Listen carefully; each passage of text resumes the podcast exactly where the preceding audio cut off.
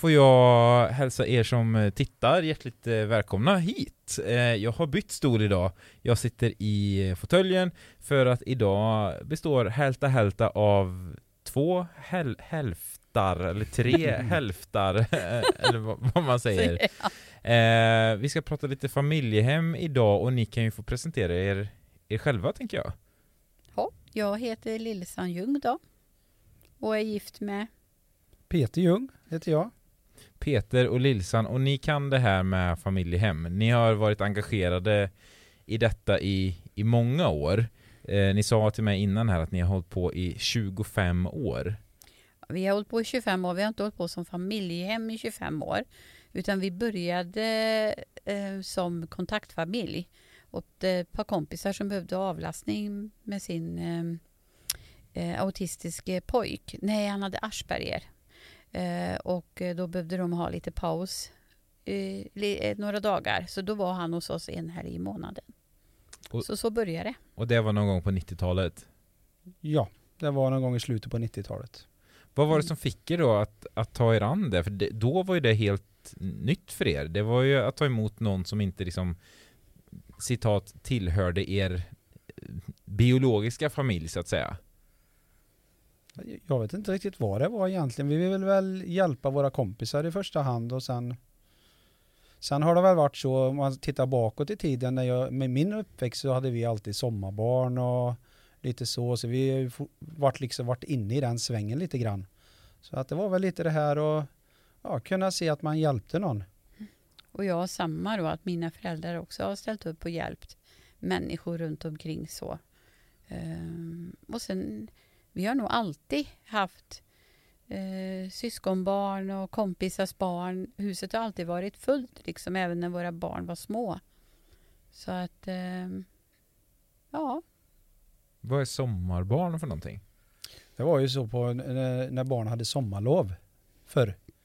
Eh, det är ju långt tillbaka i tiden när jag var liten och då, då fick man eh, ta hand om, eller ja, det kunde komma ut och bo några barn i tre eller fyra veckor. Eh, som var ungefär ens egen ålder då, mellan 10 och 15 år. Som fick bo på, på gården uh, ja, i, under tre till fyra hela veckor. Det var för att föräldrar skulle få lite avlastning och så då. Och eh, var det, var det samma, alltså jag vill inte placera barnen i, i, några fack, men det kanske låter som att jag gör det när jag säger, var det samma typ av barn som, som hamnar i familjehem idag? Alltså där föräldrarna hade någon typ av, av besvär så det, de kunde inte bo hemma eller var det bara för att ja, men föräldrarna skulle få lite egen tid? Jag tror det uppkom eh, liksom så när man bodde inne i stan då, när det började med det här att alla bodde inne i stan, att barn behövde komma ut på landet. Mm. Eh, och det var nog också så att det kanske var ensamstående föräldrar som behövde lite, där de behövde jobba på sommaren och barnen kanske behövde ha någonstans att vara. Eh, så både och skulle jag säga eh, att det var. Men det var nog lite så att det kanske var att de behövde liksom någonstans att vara under sommaren. Mm. Så det var så allting började för er alltså? Att ni, ni har en historia av att ha folk hemma som mm. inte hör till den biologiska familjen och då var mm. inte klivet så stort nej, för er? Ja, vi tyckte inte det var så nej, märkvärdigt om man säger så utan att det var en naturlig grej så. Och sen gick det ju vidare då ifrån då att vi vart kontaktfamilj åt den här killen och sen en kille till så vi hade så kommer socialtjänsten på då att men de där är ganska bra på det de gör. Så då kom frågan om vi ville vara familjehem eller om vi ville vara jourhem. Då kan vi ta på en gång mm. då vad skillnaden är. Mm. Ett, ett, familjehem, då tar man ju sig an ett barn och så ska det ju matchas helst då att, eh, att vi passar för varandra. Eh, och det kommer ju oftast vara under en längre period. Under kanske, det kan ju vara en hel uppväxt för ett barn. Medan ett jourhem, där tar man ju hand om ett barn eller ett syskonpar i ett akut läge. Eh, och då blir det ju, det är inte säkert att det kanske blir mer än tre dagar ibland eller om det blir tre månader, det vet man aldrig men att det, det är väl den stora skillnaden och då har man ju ständig jour. De kan ju ringa två timmar innan och säga att nu har det hänt en sak och att nu måste vi komma med ett barn här. Och då har vi ju liksom jour dygnet om. Ja, och när vi började då var det 365 dagar om året. Mm. Men sen började det här lite att man hade någon veckas semester och sådär. Eh, Men annars så var det ju det att man var ju ständigt, hade telefonen och var beredd. Hoppa ur sängen när telefonen ringde. Och vi hade något rum som stod Ja. liksom ledigt så att Mm. det fanns alltid någon Mm. så att de kunde bo där. Så att det kan ringa någon, ja men egentligen mitt i natten. Mm. Och, och nu har vi en, eh, Att det har hänt någonting ja. Men Ja. vi har en treårig pojk här stående här som behöver ha någonstans. behöver tak över huvudet. Ja, Ja. kan vi komma till er? Ja, det går bra. Det- Eller ja, när vi var och kontrakterade med Skövde kommun Eh, då var det också så att vi inte kunde neka liksom på det sättet utan vi hade ju det som jag var ju hemma och hade det som arbete eller vad man ska säga eller arbete låter så men jag var ju hemma så för att göra detta. Men hur var det första gången då när ni, när ni fick hem, minns ni det? När ni fick hem antingen ett barn via liksom jourhem eller den, det första barnet som blev familjehemsplacerat hos er. Hur gick tankarna, hur gick samtalen? Det måste ju varit en jätteomställning. Eh, jag hade nog som, eh, om man tänker på det här som var när vi var jourhem då, att, att nu kommer det ett barn till oss och det kanske har blivit taget ifrån föräldrarna, att inte föräldrarna inte gillar det alltså, utan att de verkligen, eh, ja hur, jag vet inte hur jag ska förklara riktigt men Ja, men att Att barnet, de misstycker Ja, placeringen. de misstycker placeringen att socialen har varit och hämtat dem. Och så kanske de får reda på var barnet bor. Och sen, det var min lite oro i början då. Att eh, nu kommer de och så står de på trappa och knackar och vill ha tillbaka sitt barn. Vad gör vi då liksom? Men det har väl aldrig varit med om så utan att eh, oftast är det ju så att, att eh, barnet kommer ju frivilligt placerat. Det, det, är ju, det är ju det vanliga, vanliga förfarandet. alltså frivillig, alltså, En att, solplacering. En då, solplacering. att föräldrarna, ändå- Ja, har- föräldrarna har ja, ändå har medgivit. kom- Ja, Mm. precis. Eh, det var väl så jag tänkte första gången. Men sen eh, när man, när man liksom väl är, man går igång lite grann på det här också. Att nu ska vi ta hand om ett barn här. Eh, och vill verkligen, jag menar man kan ju sätta sig in i det, hur, det är för barnet. Att de har varit med om mycket kanske hemskheter och så. Det enda vi ska tänka på det är att göra det så bra som möjligt för det här barnet under en period här nu då. Det är, det är det som ligger i fokus. Att klura ut, du vet, du kan tänka dig om det står där en liten åttaårig pojke på liksom din första trapp där och kommer in och, och du ska luska ut så mycket om det här barnet för du vet ingenting. Och, och det är också en fördel att inte veta så mycket.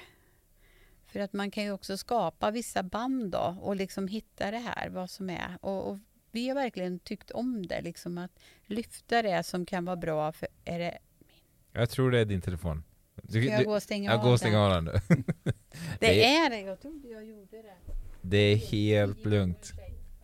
Det är helt lugnt. Du är värre än elever i skolan. Nej men det är ju det som är grejen att vi, när man då får en sån här jourplacering och luska ut, vad tycker de om att äta? Hur brukar de liksom göra vissa saker? Och vad tycker de om att göra och inte göra? Ehm, ja, Vet, vet du vad jag är nyfiken på? Nej. Hur, ja, nu tog du pojke Ja, som exempel. ja. Men hur den här pojken känner och tänker. Det är väl en sak att ni ska luska ut vad han gillar Mm. att äta. Mm. Men jag menar han, jag tänker mig om det hade varit Mm. jag, jag hade varit livrädd. Mm. Och så är det ju säkert många Ja. gånger. Har det varit många gånger. Mm. Eh, Men då tror jag, vi har ju haft en fördel. Vi har, vi bor ju ute på landet på en, en, en gård. Vi hade lite djur och med små barn eller yngre barn tycker det är väldigt. Så man går en sväng på gården och tittar lite vad de tycker och man klappar någon get och eh, det, då blir det så naturligt på något sätt. Och, och, och barnen slappnar oftast av också då. Mm. Så att eh, Och sen våra barn har också alltid varit väldigt delaktiga i det här. Eh, Så de har ju också liksom gjort mycket och öppnat sina, sitt hem och sin famn liksom för många barn. Upplever ni att det brukar gå fort det här med att få barnet att ja, men att se er, eller att få förtroende för er och känna sig som hemma? Eller brukar det liksom ta ett, ett tag? Det kan ju variera. Ja. Alltså, Det- det beror, dels beror det på vad de har varit med om. Eh, och dels, eh, alla är vi olika, eller hur? Mm. Det är inte alla som släpper in personer, aldrig gör det liksom. Eh, och jag kan väl säga att vi har också misslyckats med eh, placeringar, jourplaceringar, där vi liksom har fått avbrytet och, och sagt ni får hitta en annan lösning. För det här klarar inte vi av. Och det är det som är så viktigt med att både vara jourhem och familjehem. Att man inte är någon, man är ingen superhjälte. Utan man är en vanlig människa och ibland funkar det inte och då måste man ta hjälp av socialtjänsten. Och man måste säga det, att det här är jobbigt, nu mår inte vi bra, det här, mår, det här är jobbigt, vi mår inte bra, barnet mår inte bra, vad kan vi göra? Mm. Och vad är det då som, alltså rent konkret, som, som, som inte kan funka vid, vid ett sånt tillfälle? Jag som aldrig har varit inne i den här världen. Jag tänker mig liksom, ja men står ni och skriker på varandra eller är det mer eh, subtila psykiska aspekter det handlar om? Eller är det att ni talar inte samma språk och att det är en barriär? Eller vad kan det vara liksom som inte funkar? Ja men alltså dels kan det ju vara om det då ligger någon eh, diagnos eller så, så att det blir svårt och det kanske är utåtagerande barn och sådär. Det har det ju varit vid något tillfälle och då är det ju svårt eh, gentemot våra egna barn. Eh, vi måste ju också se till att de har det bra och säkert i sitt eget hem liksom. Och då har det ju blivit så att vi kanske har fått avbryta eh, så. Um, men det, om vi ska säga nu då, det har gått många barn genom vårt hus. Så har det ju inte hänt många gånger. Nej, det har det inte gjort. utan Nej. Det, det, är- Nej. det är lätträknat. Det har nog varit ett två eller tre gånger tror jag det är som, Mm. På 25 år? ja, som det har Mm. kört ihop sig så. Men det, ja, som att vi liksom inte har rätt ut det utan vi har gjort ett försök och så har man fått avbryta då. Det är lätt att man fastnar i de här kanske lite mer negativa aspekterna eller Mm. negativt klingande aspekterna. Men det är ju för att det är ju, för, för, ja, men för mig då som utomstående, det låter ju väldigt läskigt allt det här. Att ta emot någon som man inte har någon aning om vem det är. Men vad är det som gör att man ändå gör det? Jag tänker det att det är ju brist på familjehem. Mm. Varför ska man öppna sitt hem då åt, eh, åt andra barn och, och unga, tycker ni? Vad får man ut av det? För det första så vill jag säga det, jag kände en väldigt klok familjehemssekreterare en gång som sa att det är så här. Det finns alltid någonting gott i varje barn. Ett jobbigt barn så finns det alltid någonting och det är det du ska hänga upp dig på. Det är det du ska se och det är det du ska förstärka hos ett barn. Och det, det tror jag hänger mycket på. Att man, som du säger, att man ser det negativa och kanske hamnar i det negativa. Men det finns så mycket positivt i att vara familjehem. Det pratar vi ju om i bilen. Ja, så är det ju för på något sätt så mår man bra även själv eh, när man känner att nu har jag gjort en, en, god, en god insats här för, för någon individ. Och det, ja, man, man växer själv också och man mår bra utav det alltså. Eh, Så är det i alla fall för mig Ja. och det tror jag det är för dig också. Så att,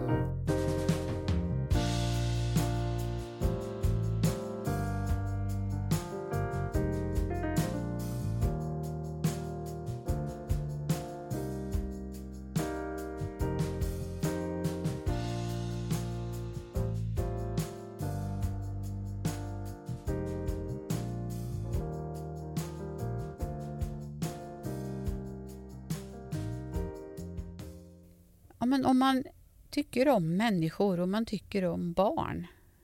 Mer komplicerat än så är det ju faktiskt inte. Mm.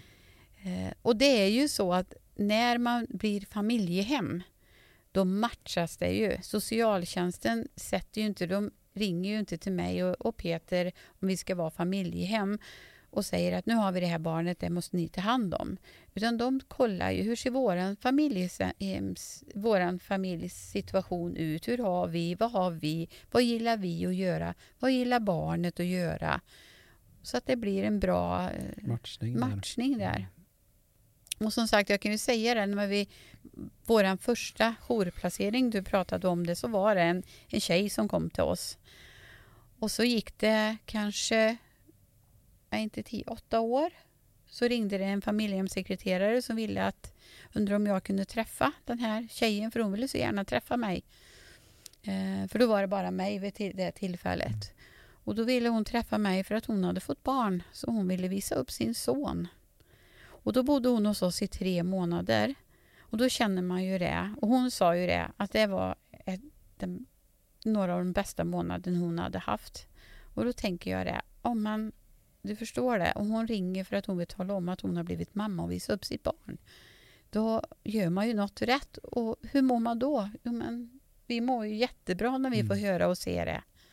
Liksom, det... Vi har ju en del placeringar som var hos oss när de var 12-13 år som fortfarande kanske kommer att hälsa på oss ibland eller man skickar lite meddelande på telefon och som man har kontakt med fortfarande alltså.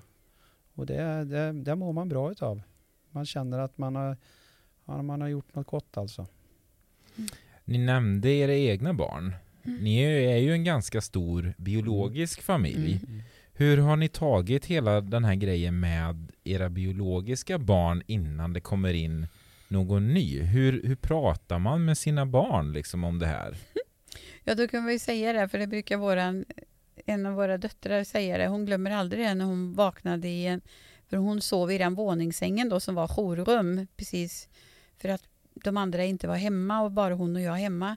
Och så när hon vaknar på morgonen och jag liksom gör så för hon ska till skolan och så tittar hon ner och ligger det en, en liten tjej där inunder henne som hon inte ens har märkt har kommit. Alisan gjorde alltså ett hysch-tecken ja, här för, för, för, de som ja. bara kommer lyssna ja, på detta. Ja, just det. Ja, jag gjorde ett hysch-tecken för att hon inte skulle låta för mycket då.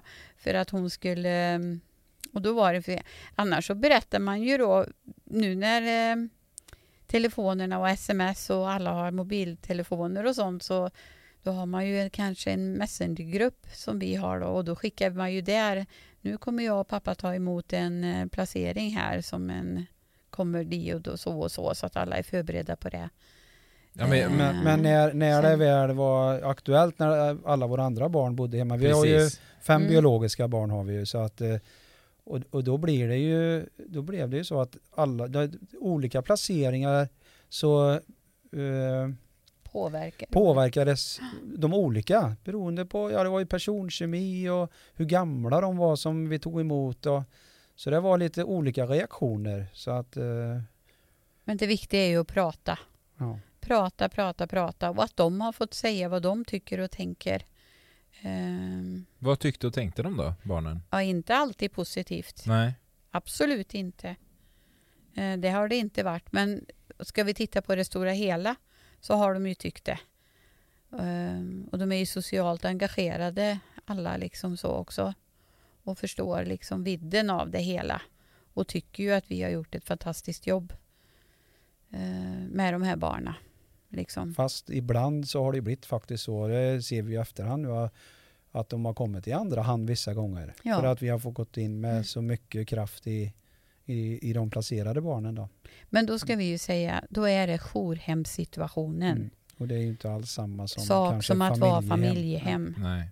Det blir mer akut här och nu, pang ja. bom. Pang bom, ja. ja. Och, och, vi kan liksom inte, då måste vi ju sätta saker åt sidan. Sen har vi tur som har också ett stort socialt nätverk runt oss. Så att vi kan ha kunnat ta hjälp av våra föräldrar och syskon och sånt som också har gått in och vänner och sånt som har gått in och ställt upp eh, och stöttat och hjälpt våra barn då. Men har ni varit jourhem och familjehem samtidigt? Det har vi också varit, ja. Så att ni kan ha en familjehemsplacerad och så ringer det mitt i natten Ja. Eh, och så får ni en, en till out of nowhere så att säga. Det, det var ju ja. så för att uh, en av uh, våra första jourhemsplaceringar det blev så att det övergick i ett familjehem sen då. För uh, de barnen hade inte så många andra att vända sig till. Nej. Så att eh, det blev en naturlig, Mm. naturlig väg att gå liksom. Har ni i huvudet hur många barn det är som, som har bott hos er? Jag tror ju att det, det räcker nog inte med 50 barn. Och jösses! Men då ska man veta också att ibland kan det ju vara Ja. att det har kommit ett barn som kanske bara har varit under dagen då det sen har löst sig. Det kanske har kommit någon mormor, farmor eller någonting Mm, som har kunnat mm. ta på kvällen liksom. För man ska också vara så medveten om det här att det inte alltid är hemska saker som har hänt utan det kan ju vara en ensamstående förälder som blir sjuk och behöver komma på sjukhus. Eh, och innan man då kanske får tag i någon som kan ta hand om barnen. Ehm, Det kan ju vara så. Det är någon som inte har så stort socialt nätverk omkring sig. eh, Som hamnar i en riktigt illa situation. Och då är ju SOS tvungen att hjälpa till. Eh, Så kan det ju vara. Och får man, får man välja vilka barn så i, i en joursituation förstår jag att då kan man inte välja. Nej. nej. Men i en familjehemsituation, får man välja Mhm. vilka barn man citat vill ha Mm. och inte vill ha? Mm. Eller går man bara på socialtjänstens matchning? Oh nej. Utan du får ju presenterat liksom det här barnet eh, tänker vi att det kanske kan vara möjligt för er att passa. Om man nu har anmält sitt intresse. Eh, och så kommer ju de då, så berättar de ju om det här barnet och sådär. Eh, och då kanske man känner att nej, det här passar inte oss. Eh, vi vill inte ha ett sånt litet barn just nu för vi har så små barn själva. Eh, och vi känner att det här, för det handlar ju också om det här att det är ju inte bara barnet då, utan den har ju också en biologisk familj. Eh, som man också liksom ska ta hänsyn till. Så man har absolut rätt att säga nej om man känner att det här passar inte oss. Och det ska man vara noga med när man blir familjehem. Att, eh, sen brukar, måste jag säga, socialsekreterarna eller familjehemssekreterarna ska vi säga, är väldigt duktiga på det här att matcha. Att de inte sätter hur som helst utan de är noga med det, de är duktiga. De här på Skövde kommun är väldigt duktiga, tycker vi i alla fall. För vi har Ja, haft de mycket har väl mycket utredningar och så, så Mm. för att hitta så att det ska bli så bra så det bara kan bli. Men man har också rätt att säga nej, att nej, det här passar inte oss. Men vi står gärna kvar om ni får något annat.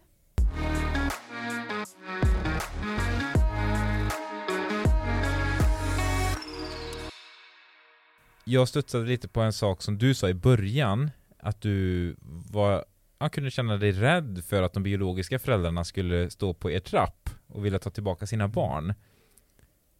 Hur tacklar man det här med de biologiska föräldrarna? Måste man ha en relation till dem? Det kan ju finnas olika anledningar till varför man inte vill ha det. Hur har ni tacklat det? Alltså, biologiska föräldrarna är på ett sätt A och O i ett barns liv. Ehm, ofta kan jag ju säga är det så att hur hemska föräldrarna har varit så försvarar barnet sina föräldrar.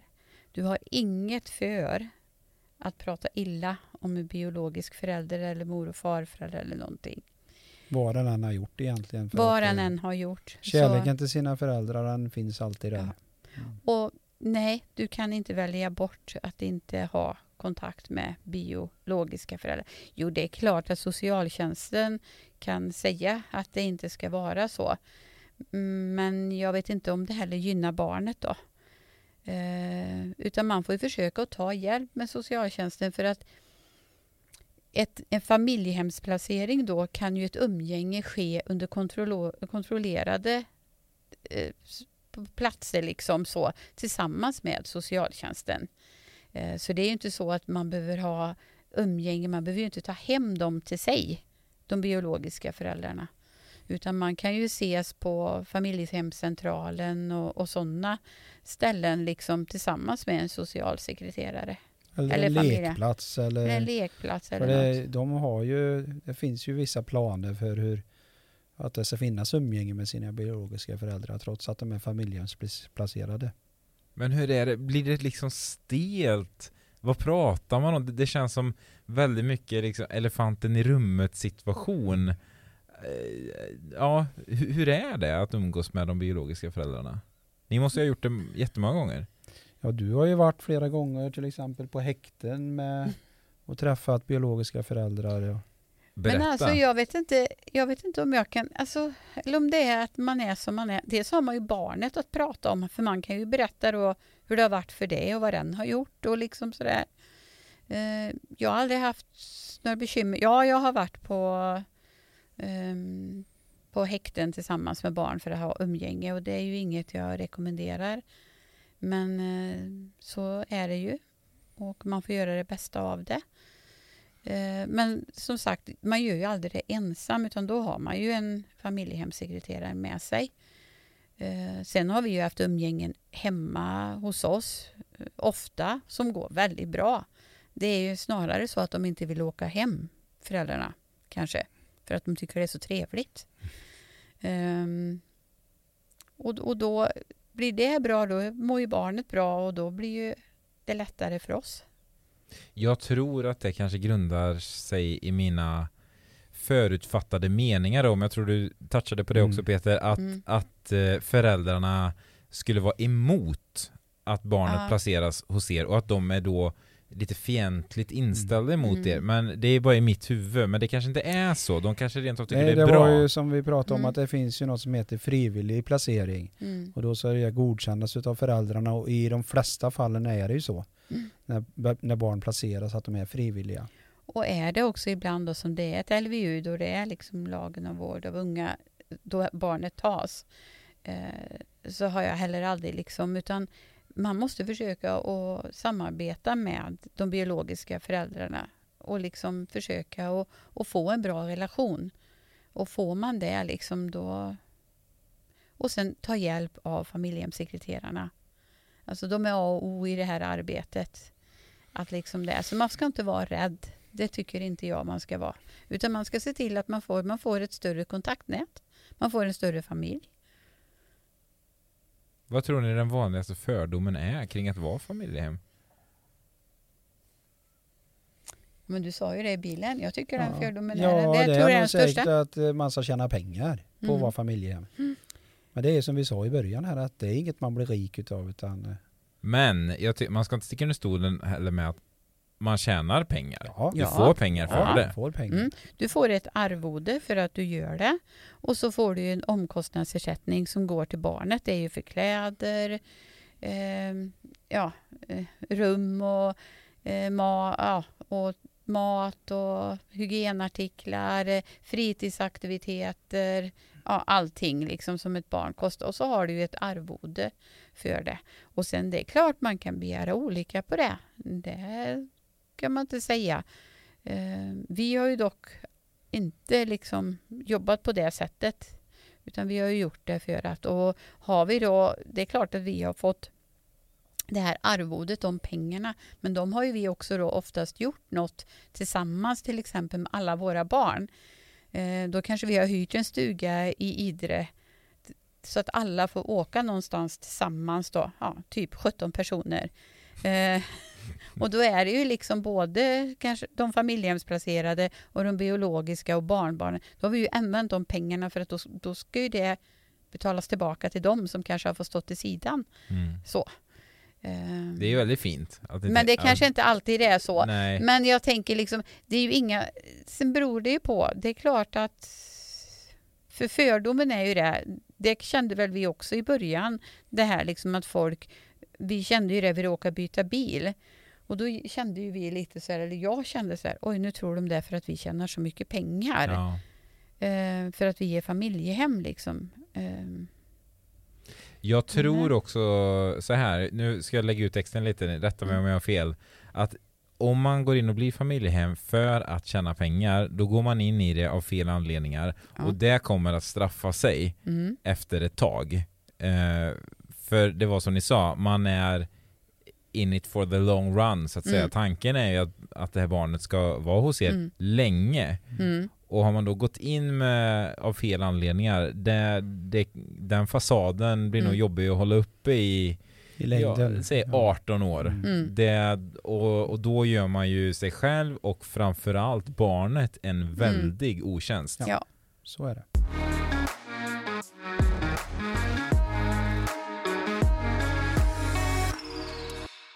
Som sagt, det är familjehemsbrist. Mm. Varför tror ni det är det?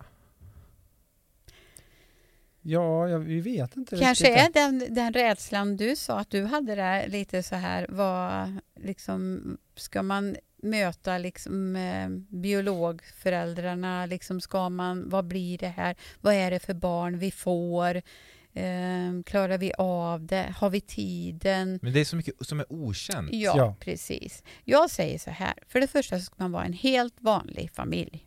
Man ska inte vara någon superhjältefamilj. Bara en vanlig familj som har lite extra kärlek, lite extra tid. För det måste man ha. I början måste man ju ändå ha lite extra tid när ett barn kommer. Hade inte ni en gård och fem barn? Ja. du? Hur hade ni extra Jo, men man tid? får, man får Man inkluderar dem. ja. Ja. Man inkluderar liksom att de är med på det man gör tillsammans. Eh, Vi har ju haft den familjehemsplacerade eh, flickan som vi har haft och hon var en liten sväng i ett annat. Hon var jourhem hos oss och så kom hon till en liten, ett litet tag till en annan och det fungerade inte. Så hon kom tillbaka till oss. Och den familjehemsmamman orkade inte att hon hela tiden gick bredvid och frågade saker. Men det är ju inte så svårt. Står du och lagar mat, ställ en pall och barnet står bredvid. Det är ju inte så svårt. Då har man ju tiden. Barnet kan ju vara med. Ja, det, det lät ju oerhört märkligt. Att Ja. man inte orkar att barnet frågar saker. Nej, för det gör Nej. barn. Ja, Men det var liksom det som blev eh, så. Så att hon kom. Men det är just det här att ha barnet bredvid dig hela tiden. Jag men- menar, det finns tid och det ger jätte, jättemycket. Det har ju gett oss ett fantastiskt nätverk för det första med eh, vänner som vi har fått med nya familjehem dit barnen har flyttat eller biologföräldrar som vi fortfarande träffar och känner och som hör av sig. Ehm, ja, har ni någon som eh, bor hemma hos er nu? just precis just nu så är jag och Peter helt ensamma i huset. För våran jourplacering flyttade i fredags till ett nytt familjehem. Och hur känns det? Är den naturliga följdfrågan då. Det här är ju en separation ni har fått göra Det, många gånger. det har vi gjort många gånger beroende på hur länge de har bott hos oss så har det ju varit på olika sätt. Men jag menar, bor de i tre, fyra månader, man hinner och binda lite känslor och, och det är ju en stor sorg oftast är det ju som, ja, i vissa fall så är det hur jobbigt som helst. Eh, det är svårt att förklara riktigt men att eh, Jag skulle säga, har man barn så jag, jag känner, jag tycker nästan det är sorgligt att bara tänka tanken. mm, mm. Eh, Nej, så det, det är med, med stor sorg många gånger som det i den här separationen då. Mm. Men jag menar som det är idag, det finns Facetime och eh, vi pratas vid varje kväll har vi gjort sedan han flyttade i fredags. Och det känns ju också jättebra att se att han har det bra i sitt nya hem och eh, Kram, man kan kramas över telefon. mm, Då har man bilden och säger känner du nu kommer jag, nu kommer jag, nu kommer jag, nu kramar jag om dig mm, i telefonen då. mm. För det var jobbigt för honom att flytta och det var jobbigt för oss också. Ehm, men eh, ja, man har rätt att sörja. För det är ett sorgearbete när ett barn flyttar. Det är det. Det är inte lätt. Ehm, men man, det får måste, väl- det- men man måste också se då vad man har gett Ja. och vad man har fått under den tiden. Och det är väl ett gott betyg någonstans då? Att det är Ja. sorgligt, att det Ja. är jobbigt. Mm, Hade, det varit, hade placeringen varit en pina, mm. mm. ja, Ja, då, hade, då hade det inte varit så sorgligt. Nej. Så att, ja. Men det är alltid en separation hur den, än har hur den placeringen har varit så är det ändå Ja, okej. ehm, och det, är, det är knivigt och det är lurigt med saker men som sagt att man ska inte vara rädd för att öppna sitt hem. Det är viktigt. Det är superviktigt. Och man har sån stor hjälp av eh, socialtjänsten i arbetet. Men framför allt att man då är ärlig och säger när det är jobbigt och sådär. För de tycker heller inte att man behöver vara några superhjältar. Nej. Utan eh, Och jag tycker det var fint det ni sa här innan vi, vi tryckte på räck. Eh, jag frågade hur många, hur många barn ni har och ni sa att ni har sex barn. Ja.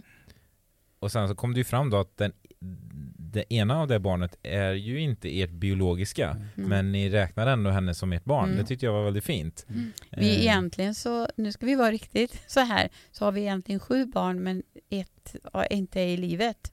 Aha. För en av eh, våra flickor som bodde hos oss, eh, familjehemsplacerad, gick tyvärr bort i leukemi för två år sedan. Usch. Eh, och då kämpade vi två år på sjukhus med henne. Eh, Hon, eller ett och hon ett hade bott hos oss i åtta år ungefär. Mm. Ja. Men gud vad mycket ni har fått gå igenom ändå, att ni Ja. pallar med, Mm. känner jag spontant. Mm. Det är ju, men sen, jag vill också... Men du vet, familj, alltså barn, alltså människor, det är ett liv. Ja. Och det är klart man vill hjälpa ett liv. Jo men att man, att man utsätter sig för det. Ja, det är ju det som är lite konstigt egentligen. ja. Men det är ju någonting ändå ja, hos en, hur man är funtad. Att man känner att här, här, här kan vi göra en insats alltså. För att berika någon annans liv. Mm. Och Man, och det må, man mår bra utav det. Mm. Det låter konstigt men man mår bra av att kunna hjälpa någon. Nej jag tycker inte det låter ett dugg konstigt Nej. faktiskt. Det jag. Fast Ja. jag tror också att vi lever i det här samhället. va? Du ska bo på ett visst sätt. Du ska tjäna. Du ska ha tjejkvällar, du ska ha eh, killkvällar, du ska träna, du ska liksom styla ditt hem, du ska vara med som tränare i dina barns aktivitet. Alltså, det är det här att man tror inte man har tid liksom. Ehm, Men, som Men, du var inne på förut, Mm. eh, inkluderar man barnet i sin egen familj som, som ens eget barn så får den ju hänga med på alla saker också. Så att då blir det ju det inte blir så. inte så konstigt. nej. Och eh, om man nu känner efter att ha lyssnat på er här att ja, ja, vi, ja, vi kanske skulle ge den chansen då. Hur gör man? Hur går man tillväga? Då tar man kontakt med socialtjänsten eh, och så eh, ringer man till dem där. Och så, jag tror också man kan gå in på nätet och anmäla sig faktiskt. Ja, utan att Det har veta... varit det förut i alla fall vet jag att man kan skicka en, en förfrågan, Intresseanmälan. intresseanmälan. Om de inte har ändrat på det, det ska inte jag svära på. Jag skulle säga så här, jag hoppas att man kan göra det. Ja, precis. Ja. Annars så tar man kontakt och ringer till socialtjänsten där och så tar de emot och så hör de av sig. Vi- Eh, vi- Man kan ju i alla fall eh, ja, vara så pass intresserad så man kan få lite information. Vad som, Mm. Men sen ska vi också säga då, det är ju inte så att man direkt behöver bli familjehem och ha ett barn boende dygnet runt hos sig. Utan man kan ju också bli kontaktfamilj. Och som vi började då, Mm. åt våra kompisar. Då man tar hem ett barn och berikar ett barns liv en helg i månaden. Just det. Det, är också, det kan ge jättemycket för det barnet. Att komma ifrån liksom sin egen och, och komma en helg och liksom få leva ett annat liv liksom och få göra saker och där människor kanske har tid för den och så. Mm. Bara en helg i månaden. Det är jätteviktigt och så kan man ju börja.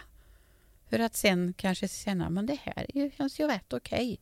Det här är ju ganska bra. Vi kanske ska prova att bli familjehem också.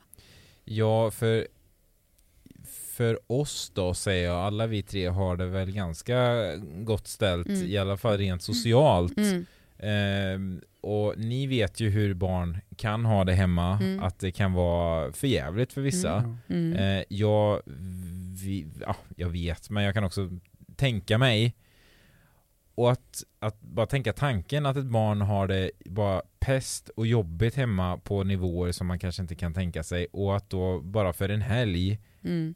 Få liksom berika det Mm. barnets liv med någonting, åka till badhuset Mm. som den kanske aldrig har Nej. varit på. Det Fast- ju- det Fast grejen är att det behöver inte ens vara det. Utan det kan ju bara vara en myskväll i, i soffan. Ja. Alltså med lite popcorn. Ja. Och sitta och, tillsammans med någon och se på film.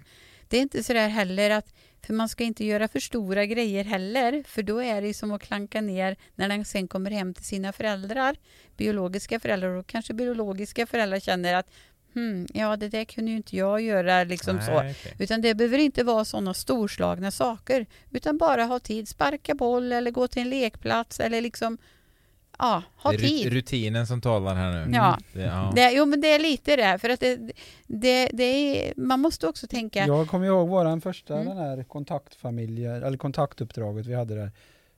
den pojken han var vä- väldigt intresserad av rovfåglar. Mm. Så det var ju bara att sätta sig i bilen och åka ut på övningsfältet och titta efter ormvråkar och Mm. eh, duvhökar och så att då var han jätte, jättenöjd Mm. alltså. Så att, eh, För det är det liksom, det får inte bli, det är samma när man, det kommer hem biologföräldrar liksom och ska hälsa på. Att man inte har värsta kak, hembakade eh, bullar och grejer att bjuda på liksom, utan det går bra med ballerina och gifflar också för att då känner de liksom att man inte, man får inte liksom trycka ner dem utan Nej. man ska ju försöka lyfta dem liksom så att de också känner att, ja. Ja men det, det kan jag faktiskt tänka mig. Ja, Att, ja, det, att, Mm. att, att de inte ska känna sig ja, sämre än vad Nej, de kanske nej. redan känner ja sig. precis. Men hörni, då tycker jag vi säger så för idag. Jag Mm. tror att budskapet har gått fram. Jag hoppas det. Ja, jag tror också det. Lisan och Peter, Mm. tack så jättemycket för att ni kom och tack så mycket för att ni har eh, tittat och ni som har lyssnat. Tills vi hörs och ses nästa gång så får ni ta hand om er Mm. och ni som har tittat och lyssnat ta hand om er. Hej då! tack, tack. Hej.